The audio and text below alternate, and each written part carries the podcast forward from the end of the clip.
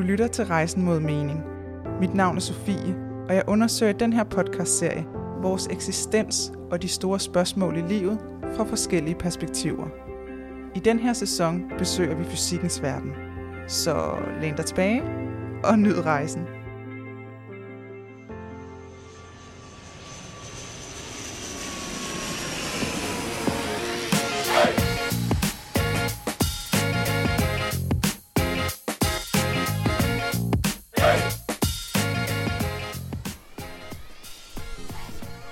Vores verden består af atomer, som består af elementarpartikler. Men hvad er det helt præcis? Hvornår og hvordan opstod de? Hvordan er fysikken kommet frem til det? Og hvordan forholder vi os til som mennesker, at vores verden består af noget, vi reelt ikke er i stand til at se, eller måske endda forstå? I dag forsøger vi at besvare de her spørgsmål, for det skal nemlig handle om elementarpartiklerne, standardmodellen og universets fundamentale kræfter i forsøget på at komme lidt nærmere en mening med det hele.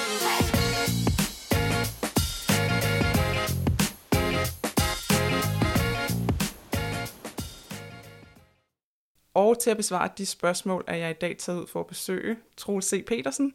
Og Troels er eksperimentel partikelfysiker, og han arbejder på Niels Bohr Instituttet. Hej Troels. Hej Sofie. Tak fordi jeg måtte komme. Det var så lidt. Fornøjelse. Troels, vil du ikke starte med at forklare, hvad er en eksperimentel partikelfysiker, og hvad laver du her på Niels Bohr Instituttet? Jo. Øhm, partikelfysik er øh, studiet af, hvad er de fundamentale byggesten, og hvad er de fundamentale love for de byggesten. Og det kan man udforske på flere måder. Man kan både tænke og lave teorier for det, og man kan lave eksperimenter, der undersøger, hvordan det er. Og jeg tilhører den sidste kategori.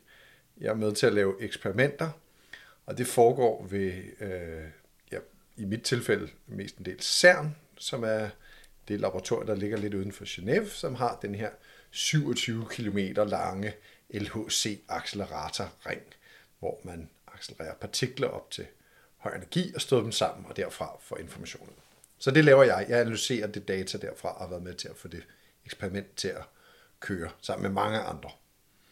Okay, det, det lyder ret sejt. Man kan sige, jeg kan sige til lytterne, at du ser jo helt normal ud. Det er ikke, fordi du sådan ligner professor Tone Sol eller sådan noget, vel? Og det tror jeg er meget heldigt, for det er lidt svært, det vi skal snakke om i dag. Men øh, jeg har høje forventninger til, at du kan, du kan føre os godt igennem det.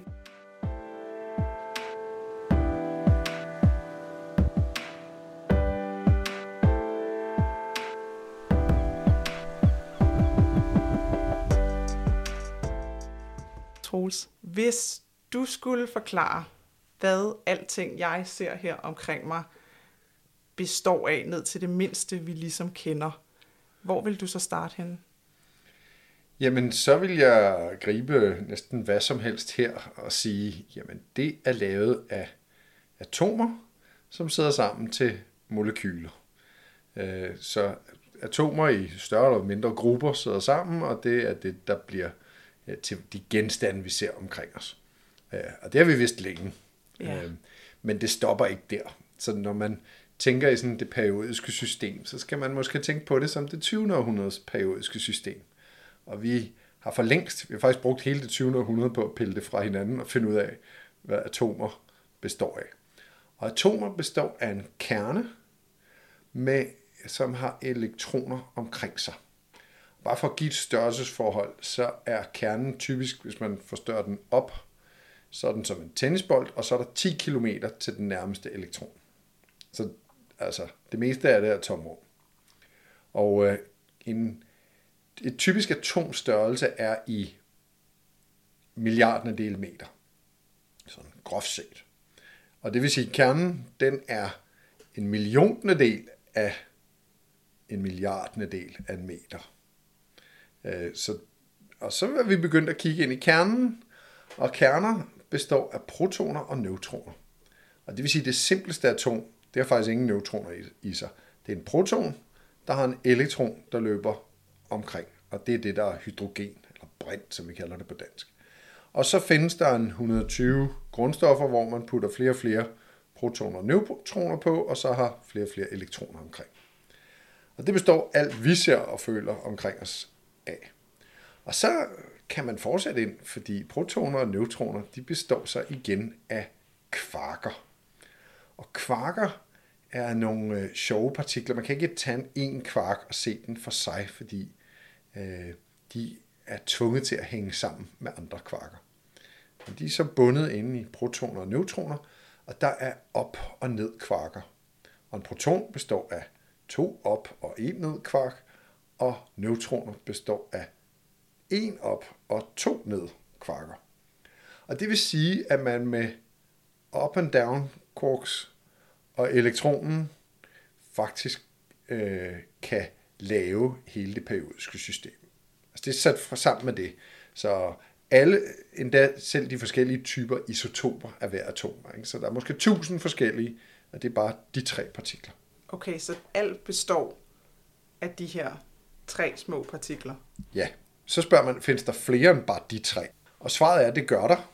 Øh, elektronen har øh, to store brødre og tre sjove fædre, og kvarkerne, op og ned kvarkerne, de har øh, de også sådan hænger sammen, øh, altså de er hinandens, øh, det ved jeg ikke, bror, bror og søster, og der findes igen to øh, fætterpar, øh, og det vil sige, der er flere partikler, men øh, de er ustabile og henfalder.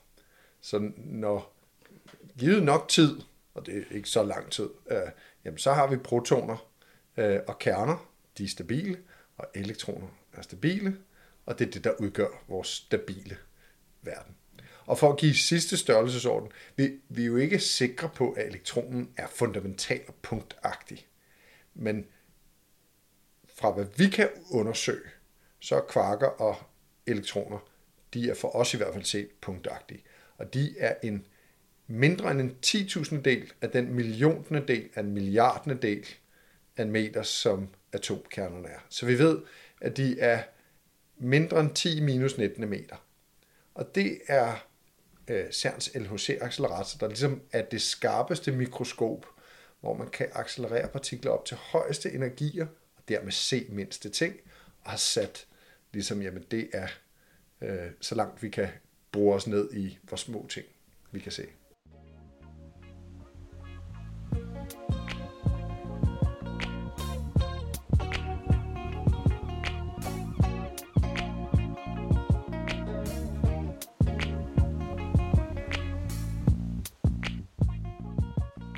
Vores verden består altså først og fremmest af stofpartikler.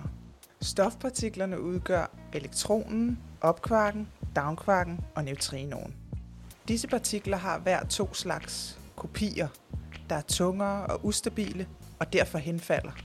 Alt hvad du kan se omkring dig består altså af elektronen, opkvarken og downkvarken.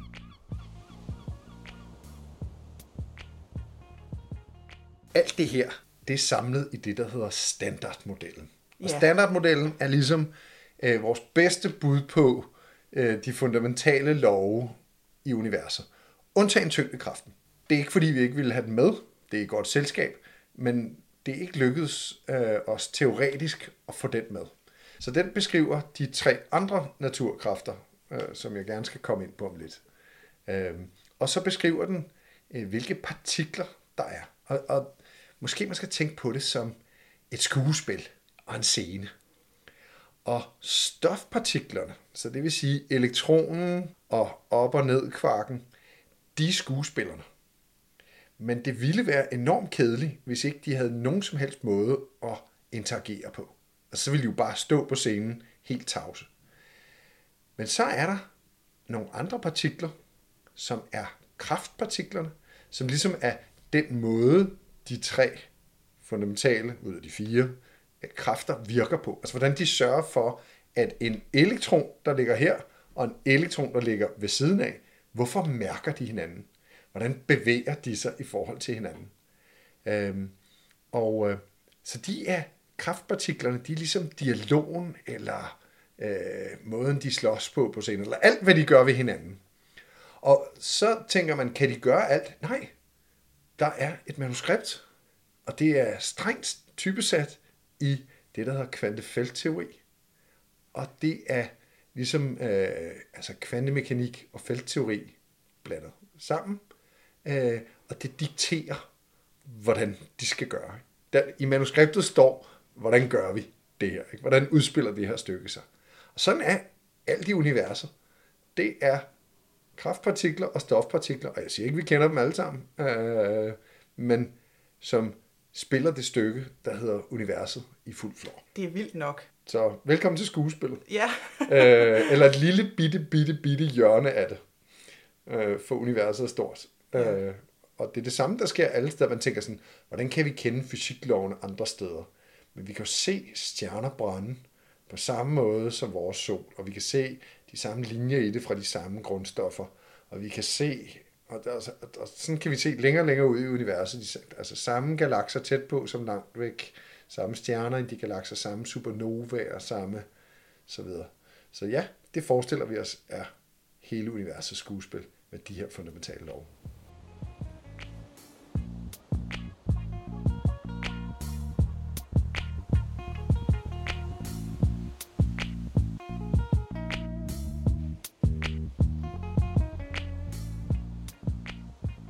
Standardmodellen beskriver altså de elementarpartikler, vores verden og univers består af. Stofpartiklerne kan dog kun interagere med hinanden ved hjælp af kraftpartiklerne. Vores univers bygger på fire fundamentale kræfter. Elektromagnetismen, den svage kernekraft, den stærke kernekraft og tyngdekraften. Det er kraftpartiklerne i standardmodellen, der bærer af kræfterne.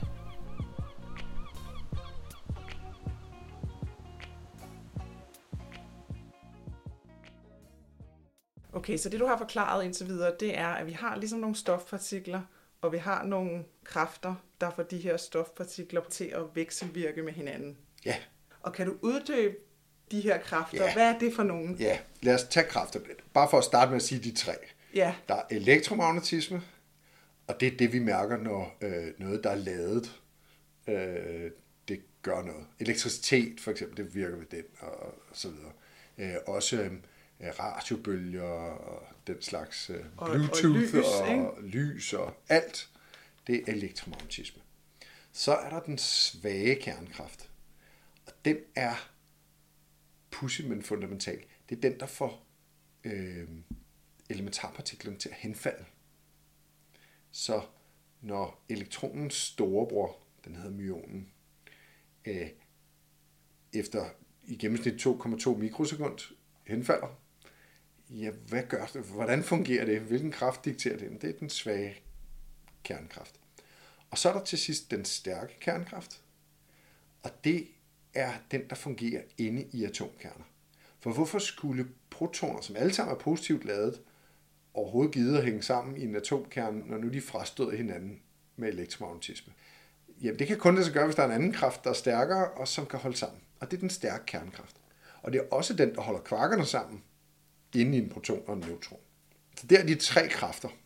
Men hvordan virker de her kræfter? Altså hvis vi skal forestille os det sådan rent billedligt, hvor, er det felter, eller er det, er det en lille partikel, der kommer hen og påvirker en anden partikel? Ja, øh, det er begge dele. Okay, Fordi det er det, kvantemekanikken og Niels Bohr øh, egentlig øh, dikteret. Og øh, ja, lad os starte med elektromagnetismen, øh, hvor det er lyspartiklen, fotonen, der faktisk er kraftpartiklen. Altså det er den, der bærer kraften. Hvis ikke der var fotoner, så kunne det være nok så lavet, du vil, altså der ville ikke ske noget. Så forestil dig to elektroner, som begge to er negativt ladet. Når de bevæger sig mod hinanden, så er det faktisk det, de øh, som at kaste en foton mellem sig. Det er det, der gør, at de frastøder hinanden. Og så tænker man, okay, men hvordan kan de vide, hvilken foton, og du ved, hvornår? Faktisk det, der sker, det er, at de kaster i princippet alle de mulige fotoner, der overhovedet kunne kastes. Og det vil sige, det der sker, det er resultatet af at summe op alle de mulige kast, der kunne være sket. Alle sammen vægtet sammen, altså opsummeret, og det er det, der sker. Det, det er sådan, øh, du ved, hvordan bevæger elektronerne sig, når jeg kommer her? Ikke? Hvor virker kraftpartiklerne? De virker så ved, at der er virtuelle, hedder de så, fotoner, der bliver udvekslet imellem de to fotoner. øh, imellem de to elektroner. Og det vil sige, det var fotonen og elektromagnetismen.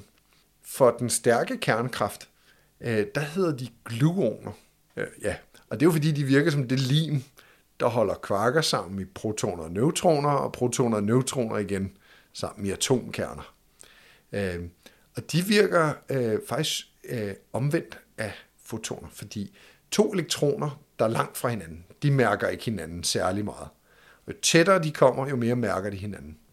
Gluonerne virker, og ja, tro mig, fysikere synes også, det var underligt i starten, øh, som øh, fjeder eller elastikker.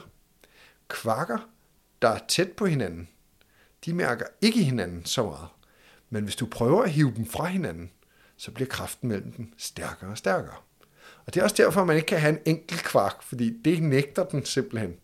Øh, ikke? Der bliver øh, uendelig stor kraft, når du prøver at hive kvarken langt nok væk. Så det kan man ikke.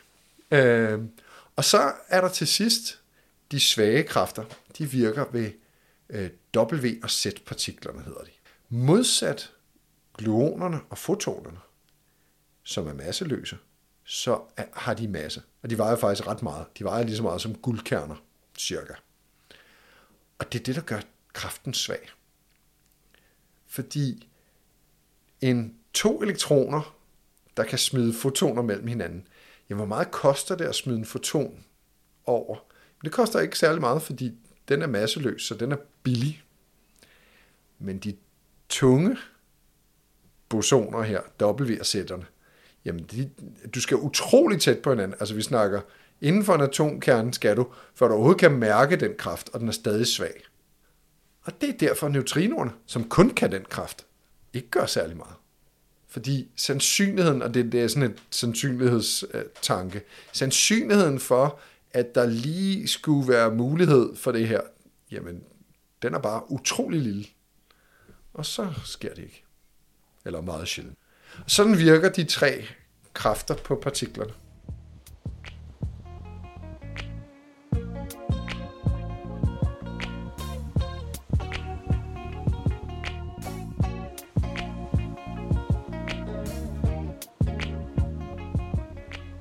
Kraftpartiklerne udgør altså fotonen, gluonen og V- og Z-partiklerne. Fotonen er bærer af elektromagnetisme, gluonen er den stærke kernekraft, og V- og Z-partiklerne er den svage kernekraft. Tyngdekraften er endnu ikke en del af standardmodellen.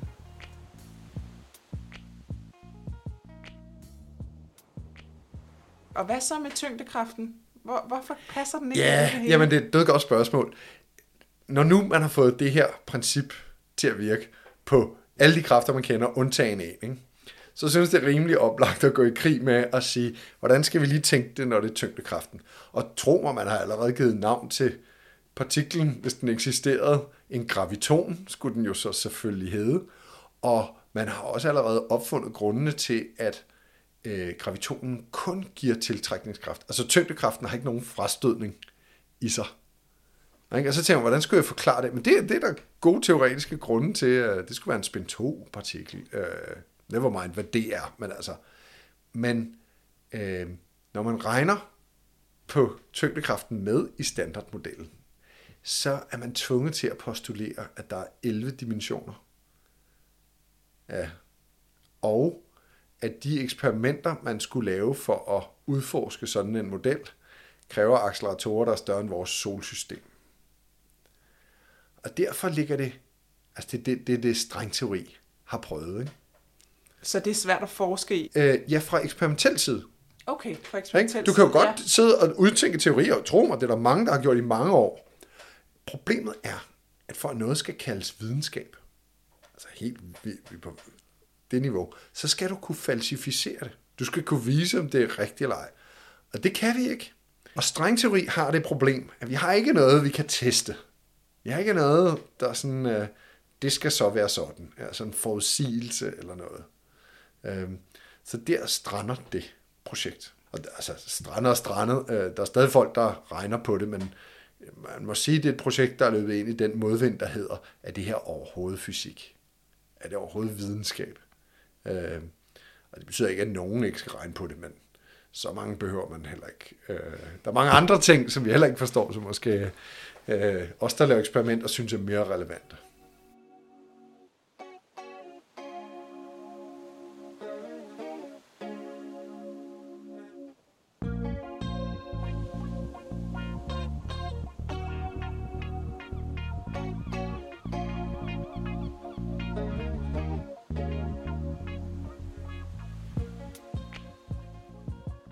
En sidste afgørende partikel i standardmodellen er Higgs-partiklen. Den blev forudsagt af Peter Higgs og fem andre forskere mange år forinden, at den blev fundet i 2012 i LHC's partikelaccelerator.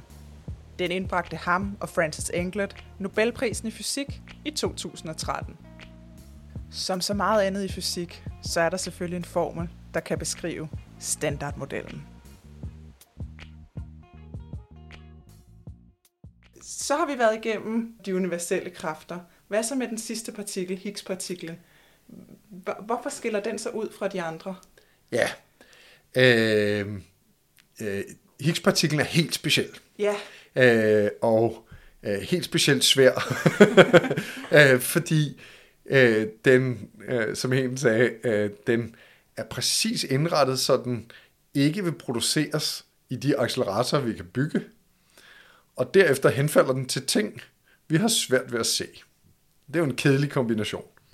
Øh, og bare for at give en idé, når man støder protoner sammen ved de energier ved LHC, så er det cirka 1 ud af 1000 milliarder sammenstød, der giver en Higgs-partikel overhovedet, og det er cirka en tusindedel af dem, som vi ender med at kunne se. Ja, held og lykke. Ikke? Øh, altså, der, der, er noget, der er noget kamp øh, derfra. Øh, men igen, ikke? Jamen, så må vi jo lave noget, der støder mange sammen og sige fra og så videre. Ikke? Så det er det, vi har arbejdet på.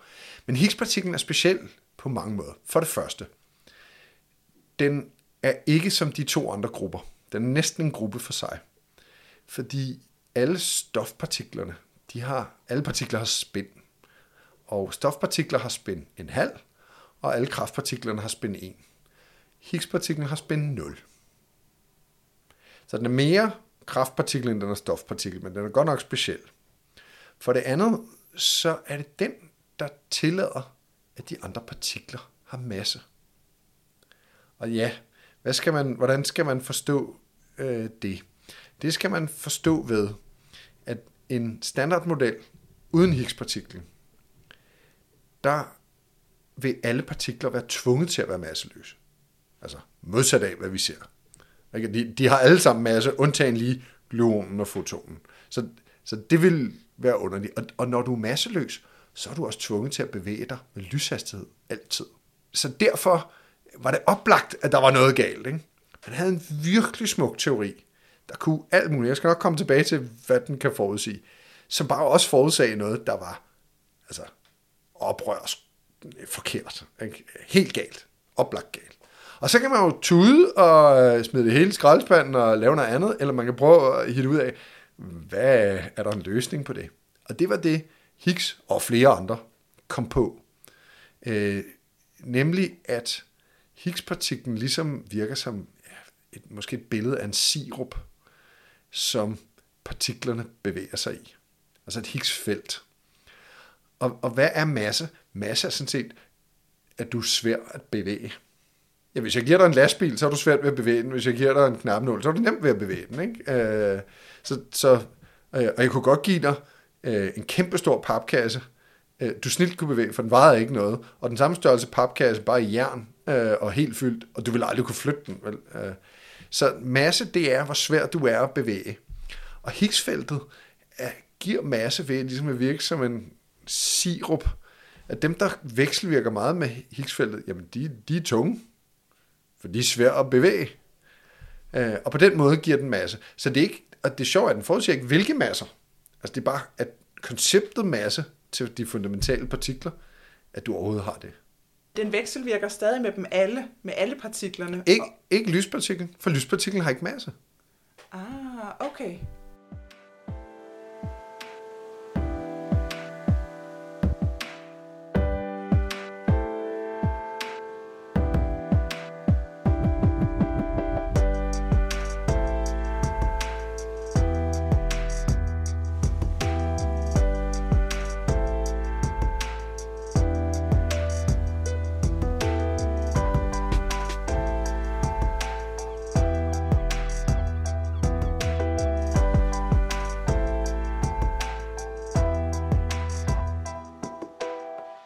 Når man ser den formel, der er manuskriptet i kvantefeltteori, øh, og den er lidt lang, og den er meget bøvlet, øh, men den er fantastisk. Øh, ja, så fylder Higgsen halvdelen af den formel. Altså, der, Higgsen er involveret i halvdelen af det der. Øh, og så tænker man, hvor, hvor lang er den? Ja, det kommer an på, hvor, hvor meget, altså vi har måder at få kort det på og sådan noget. Men den, er, øh, den kan skrives på et krus, øh, men også kun lige, vil jeg sige. Lad os bare sige det. Men den beskriver jo alt, der er undtagen tyngdekraften. Og så de ting, vi ikke forstår ud over. Men altså, den beskriver, hvad er de fundamentale partikler? Hvad er de fundamentale kræfter? Hvordan hænger de sammen? Hvordan fungerer atomer? Hvordan fungerer molekyl? Altså hele kemien er ligesom beskrevet det. Hvorfor er himlen blå? Hvorfor øh, virker mobiltelefoner og elektricitet? Hvorfor brænder solen? Hvorfor kan man lave atomkraftværker? Øh, hvor kommer elementerne fra? Altså, alle de ting står i seks linjer, bevares kompliceret formen, men ikke desto mindre. Altså, hvis man har konkurrencen i, hvordan kan du beskrive mest muligt med mindst muligt, så er standardmodellens formel totalvinderen. Fordi den indeholder så vild en kompleksitet, som vi ser i verden, øh, i der. Okay, så Higgs-partiklen, den giver partiklerne masse, Ja, og man kan sige, at hele standardmodellen, ligningen, den kan, den kan så regne hele vores omverden ud. ja i princippet, vil jeg I sige. princippet. Ja, fordi alene skridtet fra øh, ind i kemi er kompliceret og kræver store computer og approximationer og alt muligt. Altså det er svært at regne på, ikke? Hvis du så skulle tage skridtet videre til biologi, ikke? Må man bare sige, okay, der kommer et stort lag kompleksitet oven i det. Ikke? Hvis du så skulle begynde at snakke om øh, psykologi som et lag til, ah, men det, altså, øh, der er vi meget langt fra øh, noget som helst i nærheden af, øh, hvad, hvad vi kan. Hvad er det præcis, du får ud af at regne på den? Hvad kan den præcis sige? Jamen, at, øh, for måske også i samme go at illustrere, øh, hvor fantastisk den er, øh, så kan den udregne øh, alle de ting, vi måler i alle de eksperimenter, vi har lavet, øh, utrolig præcist. Og nogle gange så er begrænsningen vores eksperimenter, og ikke præcisionen med hvilken det kan forudsige ting med. Og det bedste eksempel, det er øh, elektronen. Som jeg sagde, den har spin, og den har ladning. Så den er ligesom en lille magnet. Og så spørger man den, hvor meget magnet er du? Og i sin grundform, så øh, var svaret 2. Never mind, hvilke enheder og så videre. Og så begyndte man at måle på det, og man fik 2 og 2,0 og 2,00, og så fik man 2,002. Og altså, jeg ved godt, det ikke er særlig meget forskelligt, men det skal jo passe. Og derfor var man sådan lidt, hvad? Hvor kommer det fra? Men så begyndte man at tænke sig om og sagde, jamen det er jo fordi, en elektron, som kommer, kan godt udsende en foton. Den vekselvirker med fotonen, og Heisenberg fortalte, at vi må godt låne lidt energi, hvis bare den samler den op igen lidt senere. Og det vil sige, en elektron, der løber, altså, øh, den, har, den er ikke bar, vel? Den, den har ligesom små kvantefluktuationer på osv. Og når den laver en foton, jamen så ændrer det dens magnetiske moment. Hvor meget? Cirka en tusindedel op. 2,002. Og så begynder man jo at sige, hvor langt kan vi drive det værk? Hvad så med fotonen? Den kan jo undervejs dele sig i et elektron og en anti-elektron, og så blive til en foton igen, og så komme ned på elektronen. Det, det skal jo også regnes med, hvis man vil være virkelig præcis. Men så er det jo i milliontende dele, det ændrer det. Passer det der? Ja, det passer. Hvad så med et lag til? Det passer. Hvad så med et lag til? Det passer. 10 minus 12, altså en 1000 milliardende del, kan man regne det der ud. Og det gør teoretikerne. Og en 1000 milliardende del kan man måle det med. Det er så min side, eksperimentalfysikerne, og de passer sammen. Og når man kan det, ja, så har man ikke forstået det hele, men man har i hvert fald fat i den lange ende. Ikke? Man er ikke afsporet, man er ikke afmarcheret. Og det er derfor, at når jeg taler om standardmodellen, og- den for, at det er helt vildt, og der er ikke nogen, altså der findes ikke andre øh, videnskaber eller teorier, der kan lave den slags forudsigelser. Altså det er helt, helt, helt ekstremt, at man kan det. Det, det er derfor, den er så succesfuld, Ja. fordi at den stemmer så godt overens med teorien og eksperimenterne. Ja, og, og jeg vil sige, øh, relativitetsteorien er også god. Øh, øh, og den kan også nogle af de der præcisioner. Men standardmodellen er the winner, og den kan også på virkelig mange forskellige ting. Øh, så sådan er der simpelthen de her juveler, som vi har afdækket, og som giver os tilliden til, at vi er på rette vej. Kan I så ikke også forudsige fremtiden? Nej, øh, og det er der mange grunde til. Øh, for det første, så øh, kan vi godt forudsige fremtiden øh, for øh, en elektron ganske kort tid, med en vis sandsynlighed. Men læg mærke til, at om elektronen støder ind i den anden, og hvad der sker, det er et terningkast. Altså, det er tilfældigt. Så allerede der ophober der sig jo lynhurtigt, og vi snakker nanosekunder, øh, øh, alverdens ting, der kan falde forskelligt ud hver eneste gang, og gøre det hver eneste gang. Øh, så det er den ene ting, øh, og, og de forskelligheder propagerer ud. Og så har du oveni, selvom vi så kunne måle alt, hvad de gjorde og vidste, øh, Øhm, så via kaosteori, så bliver det alligevel til kaos. Altså du skal, øh, du skal kende alting uendelig nøjagtigt, før det ikke lidt senere øh, er en usikkerhed, der bare du ved, vokser i størrelse. Ikke? Øh, så ramte du ikke lige midt på, Nå, så røg den lidt mere til højre, så ramte den slet ikke den næste. Altså, ja, prøv at illustrere, hvordan det, det vokser. Øh, Så, så nej, det kan vi ikke. Øh, Og jeg synes egentlig, øh, vejret er et meget godt eksempel. Ikke? At vejret, øh, jo, vi kan jo godt sige noget om vejret i morgen især, ikke? eller øh, om en time her. Ikke? Det, det, er, det er til at øh, ramme nogenlunde, øh, men kompleksiteten i det vokser bare, og den vokser eksponentielt, og det vil sige, altså vejrudsigt en uge frem, det er dodgy at best. Øh, og vejrudsigt en måned frem, ja, det kan man godt, øh, det- det kommer vi aldrig til. Så det handler heller ikke om, hvor meget computerkraft vi har til at kunne det her. Nej, computerkraft og øh, præcisionsmålinger hjælper øh, utrolig meget, og satellitter, men vi kan kun drive det øh, lidt længere ved hjælp af det. Okay. er en hård kan- I mur. kan kun drive det til et vist punkt. Ja. Ja. Det er jo så øh, meteorologer og alt muligt andet, der driver det. Ja. Der, der er vi væk fra partikelfysik.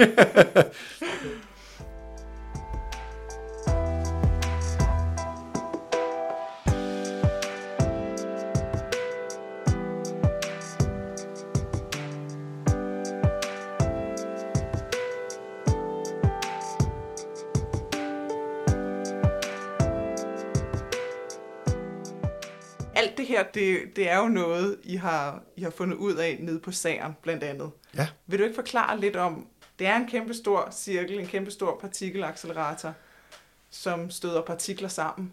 ja, altså vi støder partikler sammen, og der, der bliver skabt nye partikler, og de henfalder til alle mulige andre, og flyver ud igennem vores ret store detektor.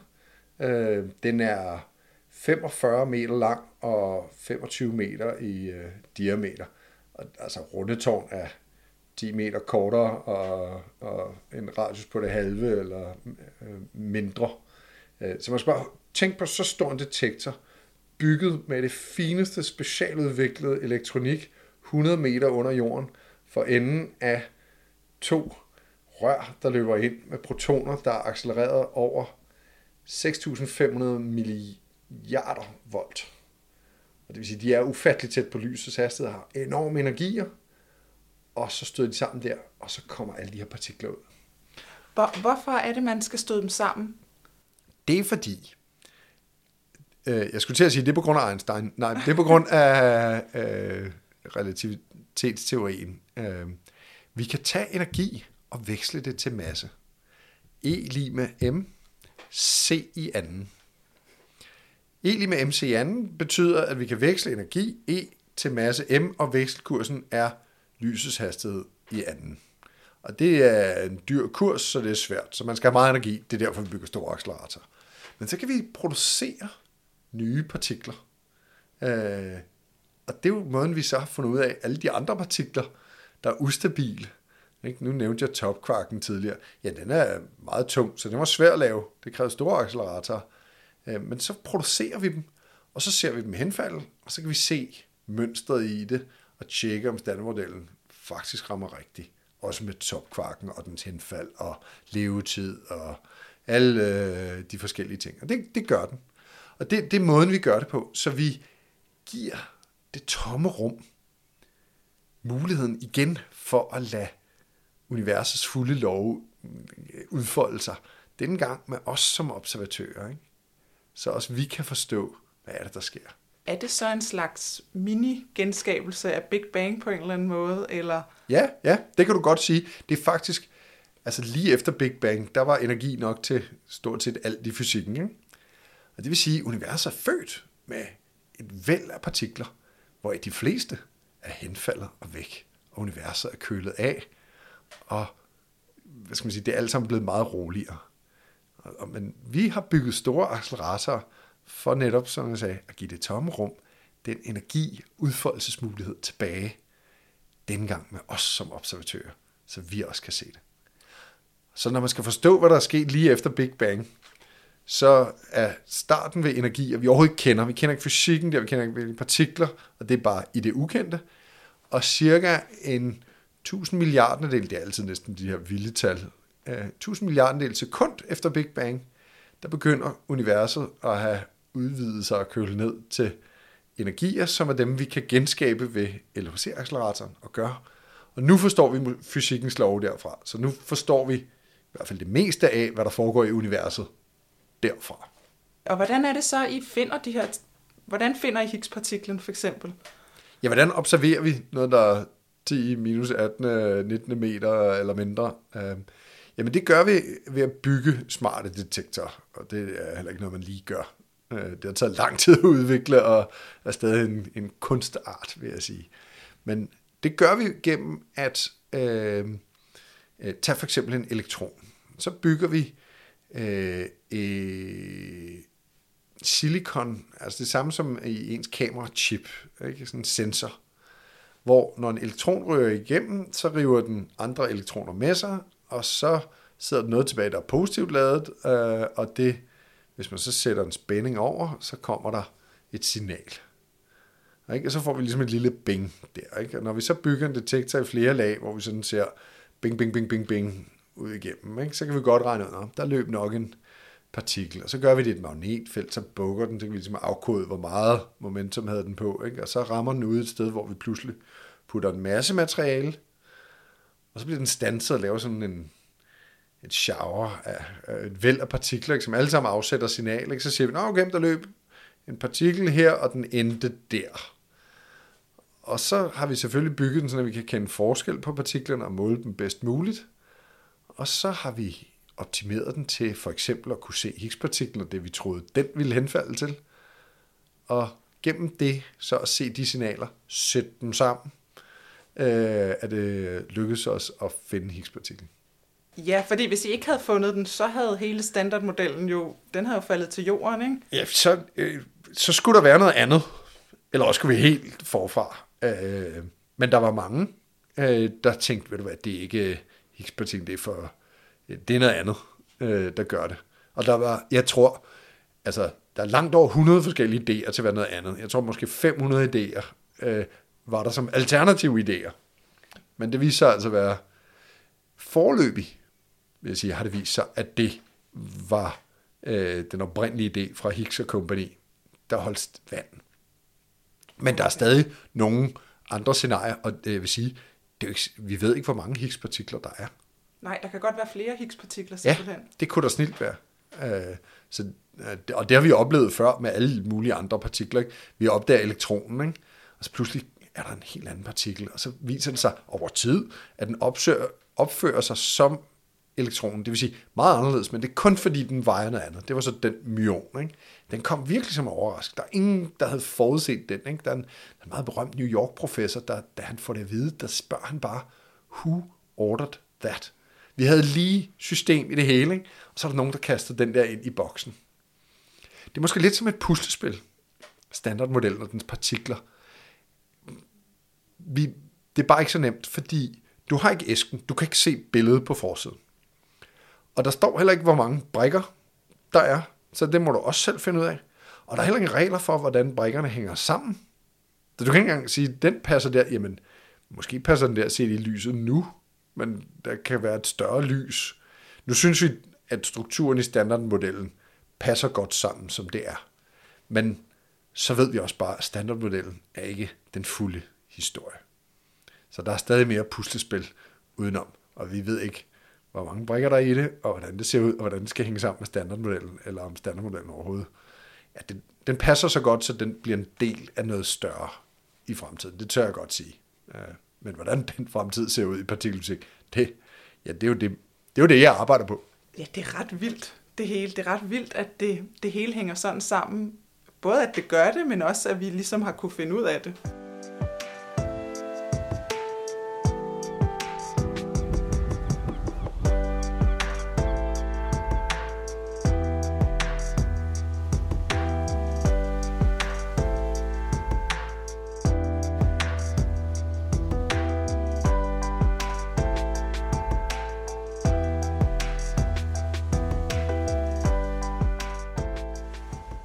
Så kommer der jo lidt af et plot twist, kan man sige, fordi det er jo så kun de 5% af hele universet, der består af den her standardmodel. Ja. Hvad, hvad består resten af, og hvordan ved vi, at der er noget mere derude? Jamen, øh, det er nemlig det interessante. Hvordan kan jeg sige, at standardmodellen ikke er endelig? Det kan jeg, fordi når vi kigger ud i universet, så øh, opfører det sig ikke alt sammen, som standardmodellen ville det.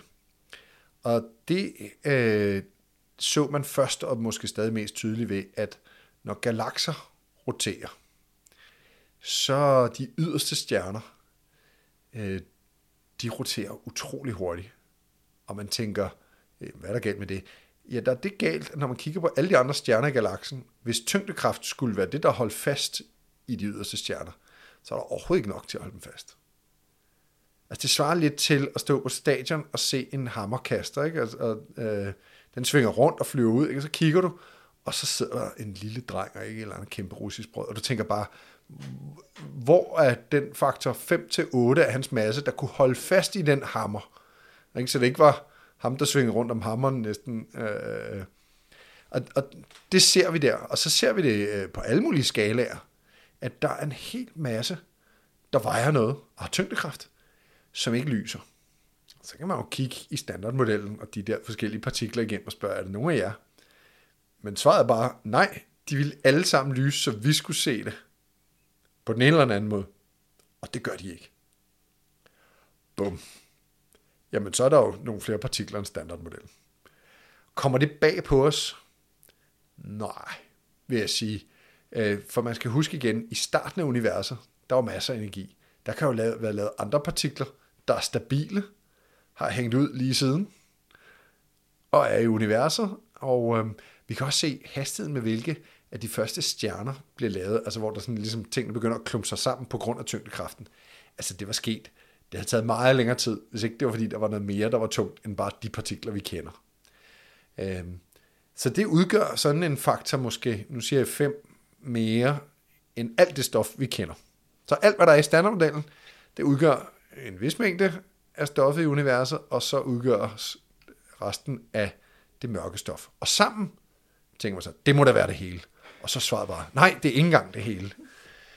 Fordi hvis det var sådan, så skulle vi have et univers, som udvider sig, det har vi set, øh, men som alt andet lige øh, enten holdt sin hastighed i udvidelse, eller udvidede sig langsommere og langsommere. Fordi massen fra alt, hvad der er i universet, skulle ligesom være tyngdekraft til at holde det sammen og hive det ind af.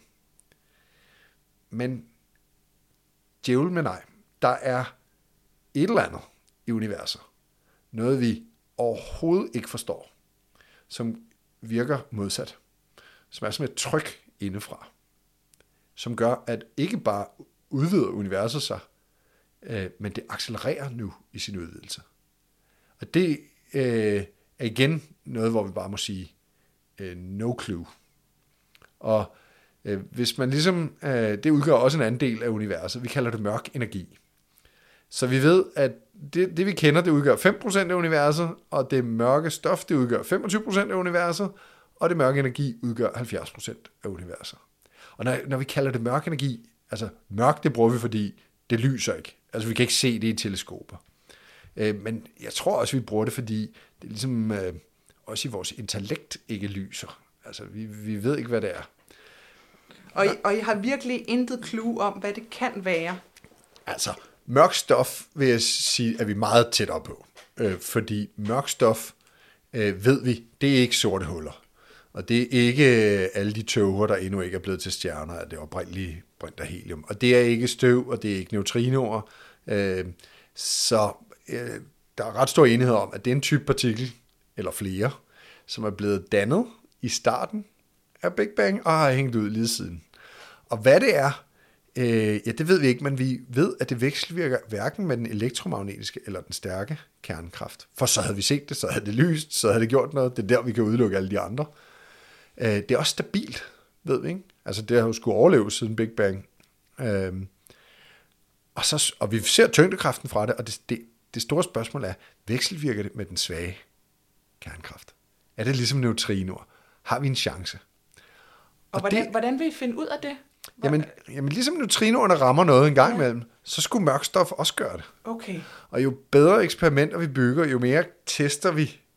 Men på et tidspunkt, der må man så sige, at det gør det heller ikke. Og hvis det ikke vekselvirker med den svage kernekraft, så bliver det svært at kan det så være, undersøge. at det vekselvirker med nogle kræfter, vi ikke har fundet endnu, ja. og ikke ved, hvad er? Ja, man har sådan en idé om, at det vekselvirker med den supersvage kraft.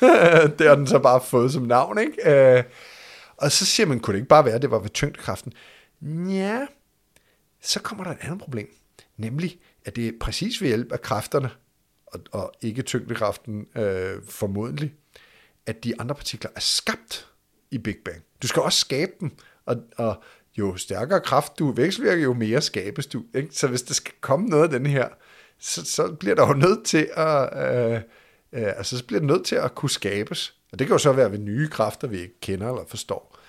Øhm, og øh, derfor har mørkstof, altså det, det skal vi nok få has på. Det, det har jeg næsten en fortrøstning om, at det bliver i min levetid, øh, at vi begynder at få svar om det. Men den mørke energi, den er også virkelig en underlig ting, fordi øh, det sjove er, at man kan godt putte med i Einsteins formler, og Einstein havde den oprindeligt, og fortrød den så, da, han, da andre fandt ud af, at universet udvidede sig. Øh, den skulle man glemme. Den er så kommet tilbage igen. Men hvorfor? Hvad, hvad er det for en partikel, eller fænomen, eller hvad, der gør det her? Og bare for at illustrere, hvorfor det er svært. For det første, vi ser det kun på universskala. Så hvis du skal lave eksperimenter med det, ja, der er kun et univers, og det, det er noget, det tog os lang tid overhovedet at opdage, at oh, det, det accelererer faktisk i sin udvidelse. Så det er ikke nemt. For det andet, så har teoretikere sådan siddet og regnet på, hvis nu det skulle være, nu siger jeg Higgs-partiklen, ikke, og Higgs-feltet, der gjorde det her, ikke? rammer det så den rigtige størrelsesorden? Ikke? Er det den rigtige størrelse? Nej, og der svarer jeg nej på den måde, fordi det rammer så galt, som man overhovedet kan. Altså det er ikke sådan noget med 10% galt, eller en faktor 2 galt, eller 10 galt. Altså det er ikke inden for en faktor milliard. Det er en faktor 10 i 120 galt. Altså, hvis du tager alle elementarpartikler i hele universet, så er det 10 i 80. Okay? Det er stadig meget mere galt. Ikke? Så der er et eller andet fundamentalt, vi overhovedet ikke forstår der. Og det er jeg nok, øh, det, det er jeg klar på at gå i graven uden at have et svar på, fordi det, Altså, hvordan vi skal regne den ud. Men at vi overhovedet som menneskehed har opdaget det, der synes jeg, vi alligevel får lov at shine en lille bit smule i et lille dunkelt hjørne af universet, fordi det er ikke nemt. Og jeg tror, det er en opdagelse, vi vil, af andre civilisationer, hvis vi nogensinde møder dem, eller kommunikerer med dem, vil blive målt i forhold til.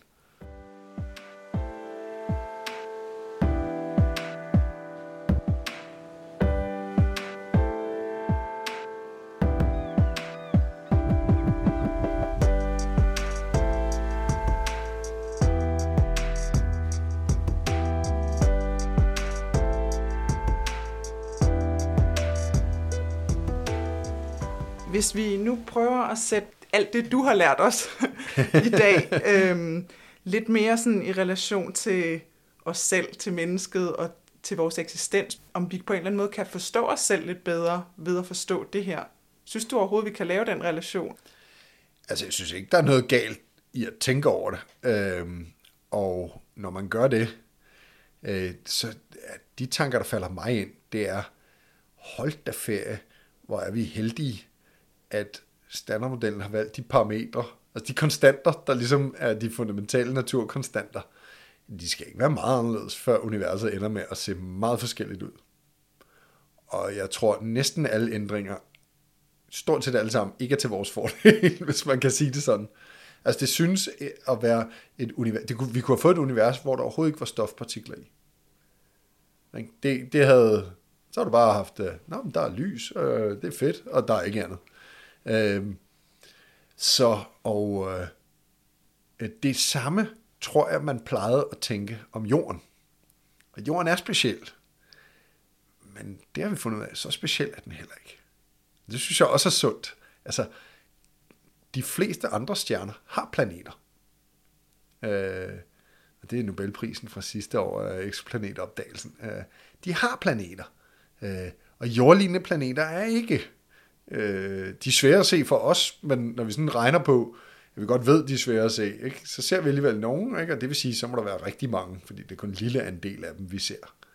Øh, og øh, grundstofferne, nu sagde du, hvordan grundstofferne blev til, ikke? Øh, at øh, jamen, det sker inde i stjerner. Det sker alle steder, og grundstofferne er derude. Øh, og dem vi er lavet af, jamen det er dem, og dem liv er lavet af generelt, jamen det er dem, der er meget af. Altså kulstof og nitrogen og ilt og ja, brint er der rigeligt af, øh, hydrogen. Øh, øh, så der er vand, og der er vand derude, ikke? Øh, og vi mistænker nogle af de planeter, øh, hvis man kan måle dem på to forskellige måder, så kan man faktisk finde ud af, hvad deres øh, densitet er. Og og der får man nogen, der har en densitet ikke så langt over en. Jorden er cirka 5,5, øh, men de er sådan nærmere en, så der er, er simpelthen øh, øh, vandklumper derude som planet, altså vandplaneter, ikke? Forestil dig, at det meste, eller det er alle sammen hav, og det er rigtig dybt, altså det, der er langt til bunden, ikke? Fordi, jamen hvad kan de? Det ved jeg ikke, men der kan jo nok godt opstå liv i, eller måske kan der ikke, fordi der er for langt til bunden. Øh, det, der er masser af muligheder derude. Øh.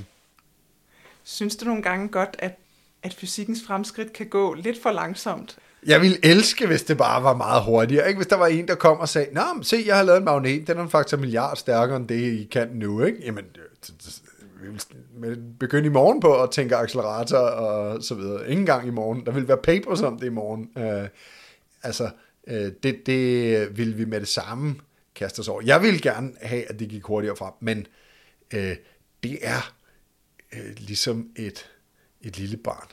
Altså, det, det vokser kun i en vis hastighed øh, og hvis du giver det ressourcer nok. Men altså, selv med uendelige ressourcer kan du ikke få et barn til at vokse hurtigere, end det gør. Du kan godt dræbe det, hvis du ikke giver det noget at spise, men øh, altså, det, det tager den tid, det tager. Øh, og sådan, det må vi leve med. Altså, det, øh, men jeg kan love dig i forskningsverdenen, øh, at det gælder om at være først, øh, og derfor bliver det drevet øh, meget stræbsomt den retning. Øh, så Mm, hvorfor tror du egentlig, at, øh, at vi gør det? Hvorfor tror du, vi, vi bruger alle de ressourcer på det? Øh, det tror jeg er fundamentalt set af vores nysgerrighed. Og det er det, der har øh, givet os succes som mennesker, som livsform, tror jeg. Øh, at folk rejste videre over den næste bjergkarm og skulle se, hvad der var der, øh, og har bredt sig, og folk fandt måder at leve koldere steder på, og dyrke jord. Altså alle de der ting, der har drevet mennesker, det driver dem stadig. Det har vi ikke øh, ændret.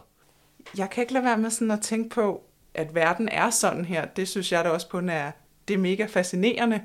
Men tror du ikke også, der er nogen, der kan synes, det er lidt, sådan lidt uhyggeligt på en eller anden måde, at vi kan, at vi kan komprimere. Altså fordi når vi kigger omkring, så er verden jo enormt kompleks. Og så kan vi få det ned i den her formel. Og som fysiker kunne jeg forestille mig, der synes du kun, det er mega fedt. Men tror du, der er nogen, der kunne synes, det er lidt uhyggeligt på en eller anden måde, at vores verden kan komprimeres ned til det? Reduceres? Ja, reduceres, ja. Øh, jeg skulle næsten til at sige, øh, for mig, at det er det modsatte. Ja. Der findes ikke nogen onde kræfter, eller dæmoner, eller gude, gode som dårlige, eller noget. Altså, øh, det, det, øh, det er næsten, det behøver man ikke at være bange for. Vi, vi har en forklaring på mange ting, flere end vi nogensinde har haft. Vi har ikke en forklaring på alt, men det betyder ikke, at det har en overnaturlig forklaring, eller en ond forklaring, eller noget. Altså, det, det, jeg synes, det giver øh, tillid og noget, man ligesom kan stole på. Og så, ja, bevares, at det kan reduceres til standardmodellen. Det kan det jo så ikke engang, men altså, øh, meget kan. Så er det da bare fantastisk, at vi lever et sted, hvor diversiteten i fænomener og muligheder er så stor fra noget så simpelt. Det, altså, at, at, øh, at alt omkring, og livet øh, specielt, men altså også universet omkring, at vi kan få så meget diversitet ud af så få partikler, kan du sige. Ja, det, øh, ja, det, ja, det er rigtigt. Det, det er jo bare, øh, det skal vi bare glæde os over, hver dag. Og det kommer, kommer man behøver ikke forstå partikelfysik for det, ikke? Man kan plukke en blomst og konstatere, at den er fandme også øh, et lille vidunder af 4 milliarders øh, udvikling af livet her på jorden, øh, og inden for sin gren lige nu på toppen af det. Jeg tænkte på, for eksempel kærlighed, kan man putte det ned i standardformlen? Og det kan man jo egentlig godt, hvis man tænker, når kærlighed det er jo noget serotonin og noget dopamin og noget... Og det er kemi, noget, biologi, og det er kemi og præcis, så videre. det er jo nogle ting op i hjernen, øhm, og så er det jo i øvrigt også elektromagnetismen, der får det hele derinde til at køre rundt. Ikke? Men derfor er der jo stadig stor forskel på, øhm, at det ligesom er sådan, det er, og så det, vi formår at opleve som kærlighed. Fordi det er jo ikke, når jeg oplever kærligheden, når jeg er sammen med mine nevøer for eksempel, så er det jo ikke det, jeg oplever, vel? Det er jo noget, det er jo noget andet. Og, og på den måde tror jeg, kan jeg ikke lade være med at tænke på, at man som menneske måske bliver nødt til at forholde sig til begge dele. En ting hvad der er, hvad der er, og en anden ting er, hvad vi, hvad vi oplever. Ja, nu nævnte du selv, øh, at det er forskellige øh, kemiske egenskaber inde i os. Det har man jo målt, ikke? Altså, det, det ved man godt. Øh, og ja, i princippet koger det tilbage til standardmodellen, men der er så mange lags kompleksitet, som jeg næsten synes er smukke. Du kan ikke udregne kærligheden med standardmodellen i hånden. Det skal du heller ikke, det har jeg det meget fint med. Øh, og, og, øh, og man skal måske bare nyde den faktum, at hver af de lag giver en kompleksitet, og dermed en diversitet, som gør, at vi har de følelser, øh, og det væld af følelser, øh, øh, vi har på alle mulige og meget fine og udspekulerede måder, og at der er alle mulige arter, der har sikkert lignende, øh, og der sikkert derude eksisterer nogle andre, der har nogle andre eller nogle lignende. Jeg ved det ikke, vi skal prøve at finde ud af det. Øh, og derfor synes jeg bare, at øh, der er ikke noget tabt i at vide, at det reducerer til. For svaret er, at vi kan alligevel ikke regne det ud, og der er ingen grund til ikke bare at nyde det faktum, at vi har den diversitet, og vi får den oplevelse. Nyd det, når det sker. Jeg er sådan lidt nysgerrig på, altså, ja, når man har din viden om partikler og universet, tror du, det har givet dig et andet indblik i livet på en eller anden måde? Pøh, altså nej, jeg er en meget normal person, og jeg tror, at mit indblik i samfund og liv og så videre er øh, helt på niveau øh, med alle andre, måske en gang imellem under. øh, altså, det, øh, måske det eneste sted, jeg synes, det, øh, det giver en mulighed for at trykke på en ekstra stor pytknap. Altså, prøv at se det in the grand scheme of things.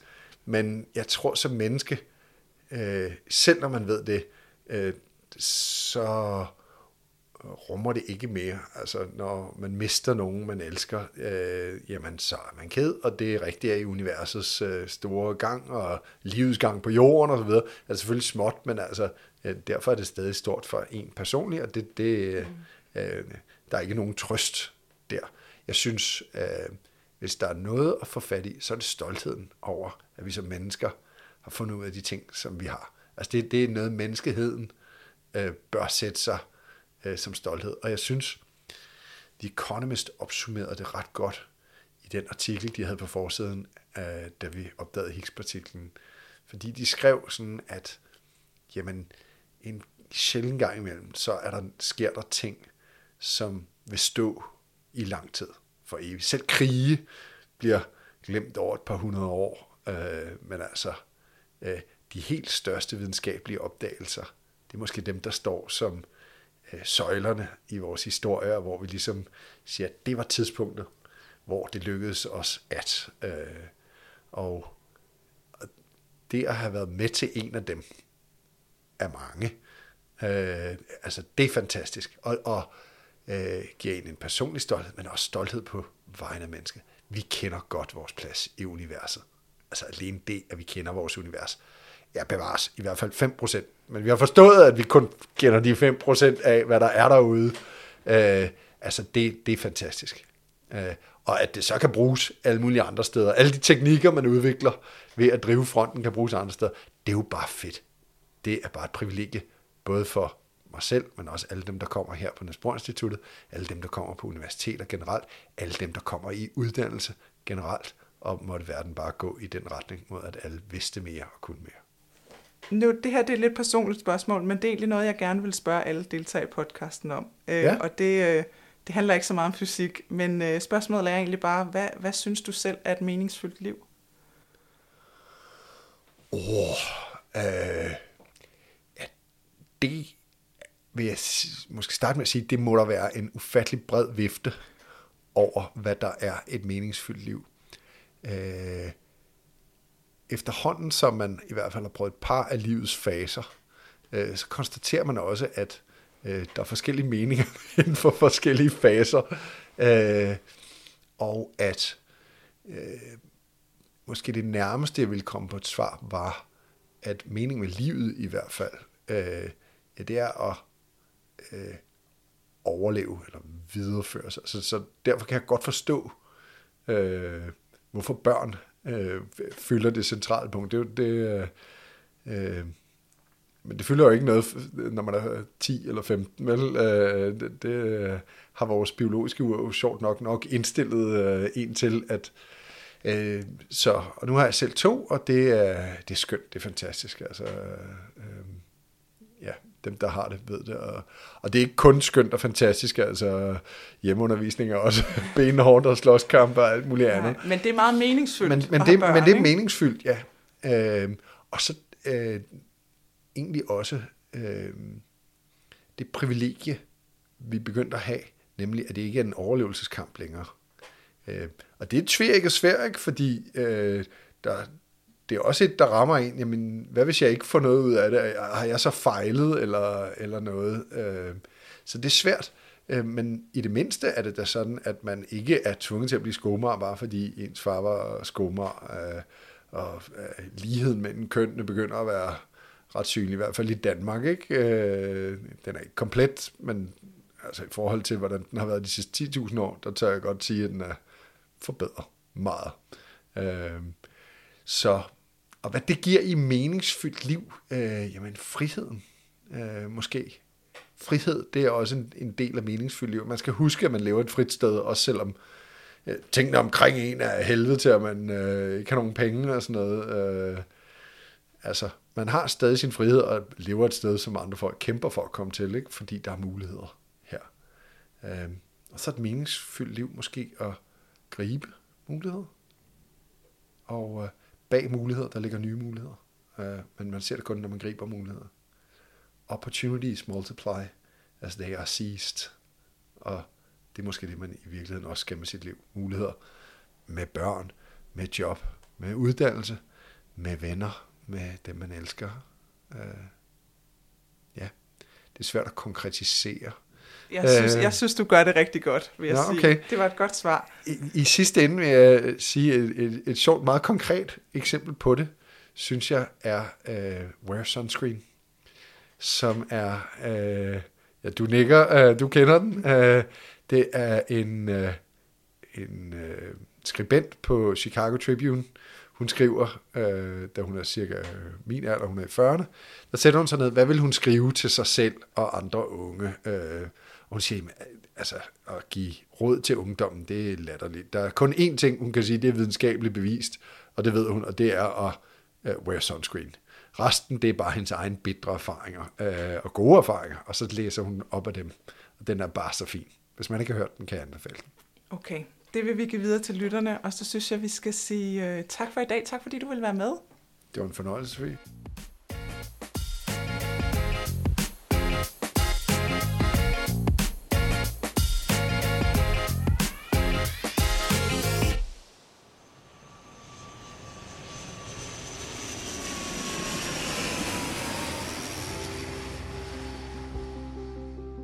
Håber, at du er blevet klogere, og jeg håber allermest, at du er blevet fascineret af partiklernes verden, som jo er vores omverden. Og husk, Niels Bohr mente, at hvis man ikke bliver lidt svimmel af at prøve at forstå atomer, partikelfysik og kvantemekanik, så har man ikke forstået det ordentligt. Vi lyttes ved, når vi forsøger at finde mere mening i næste afsnit.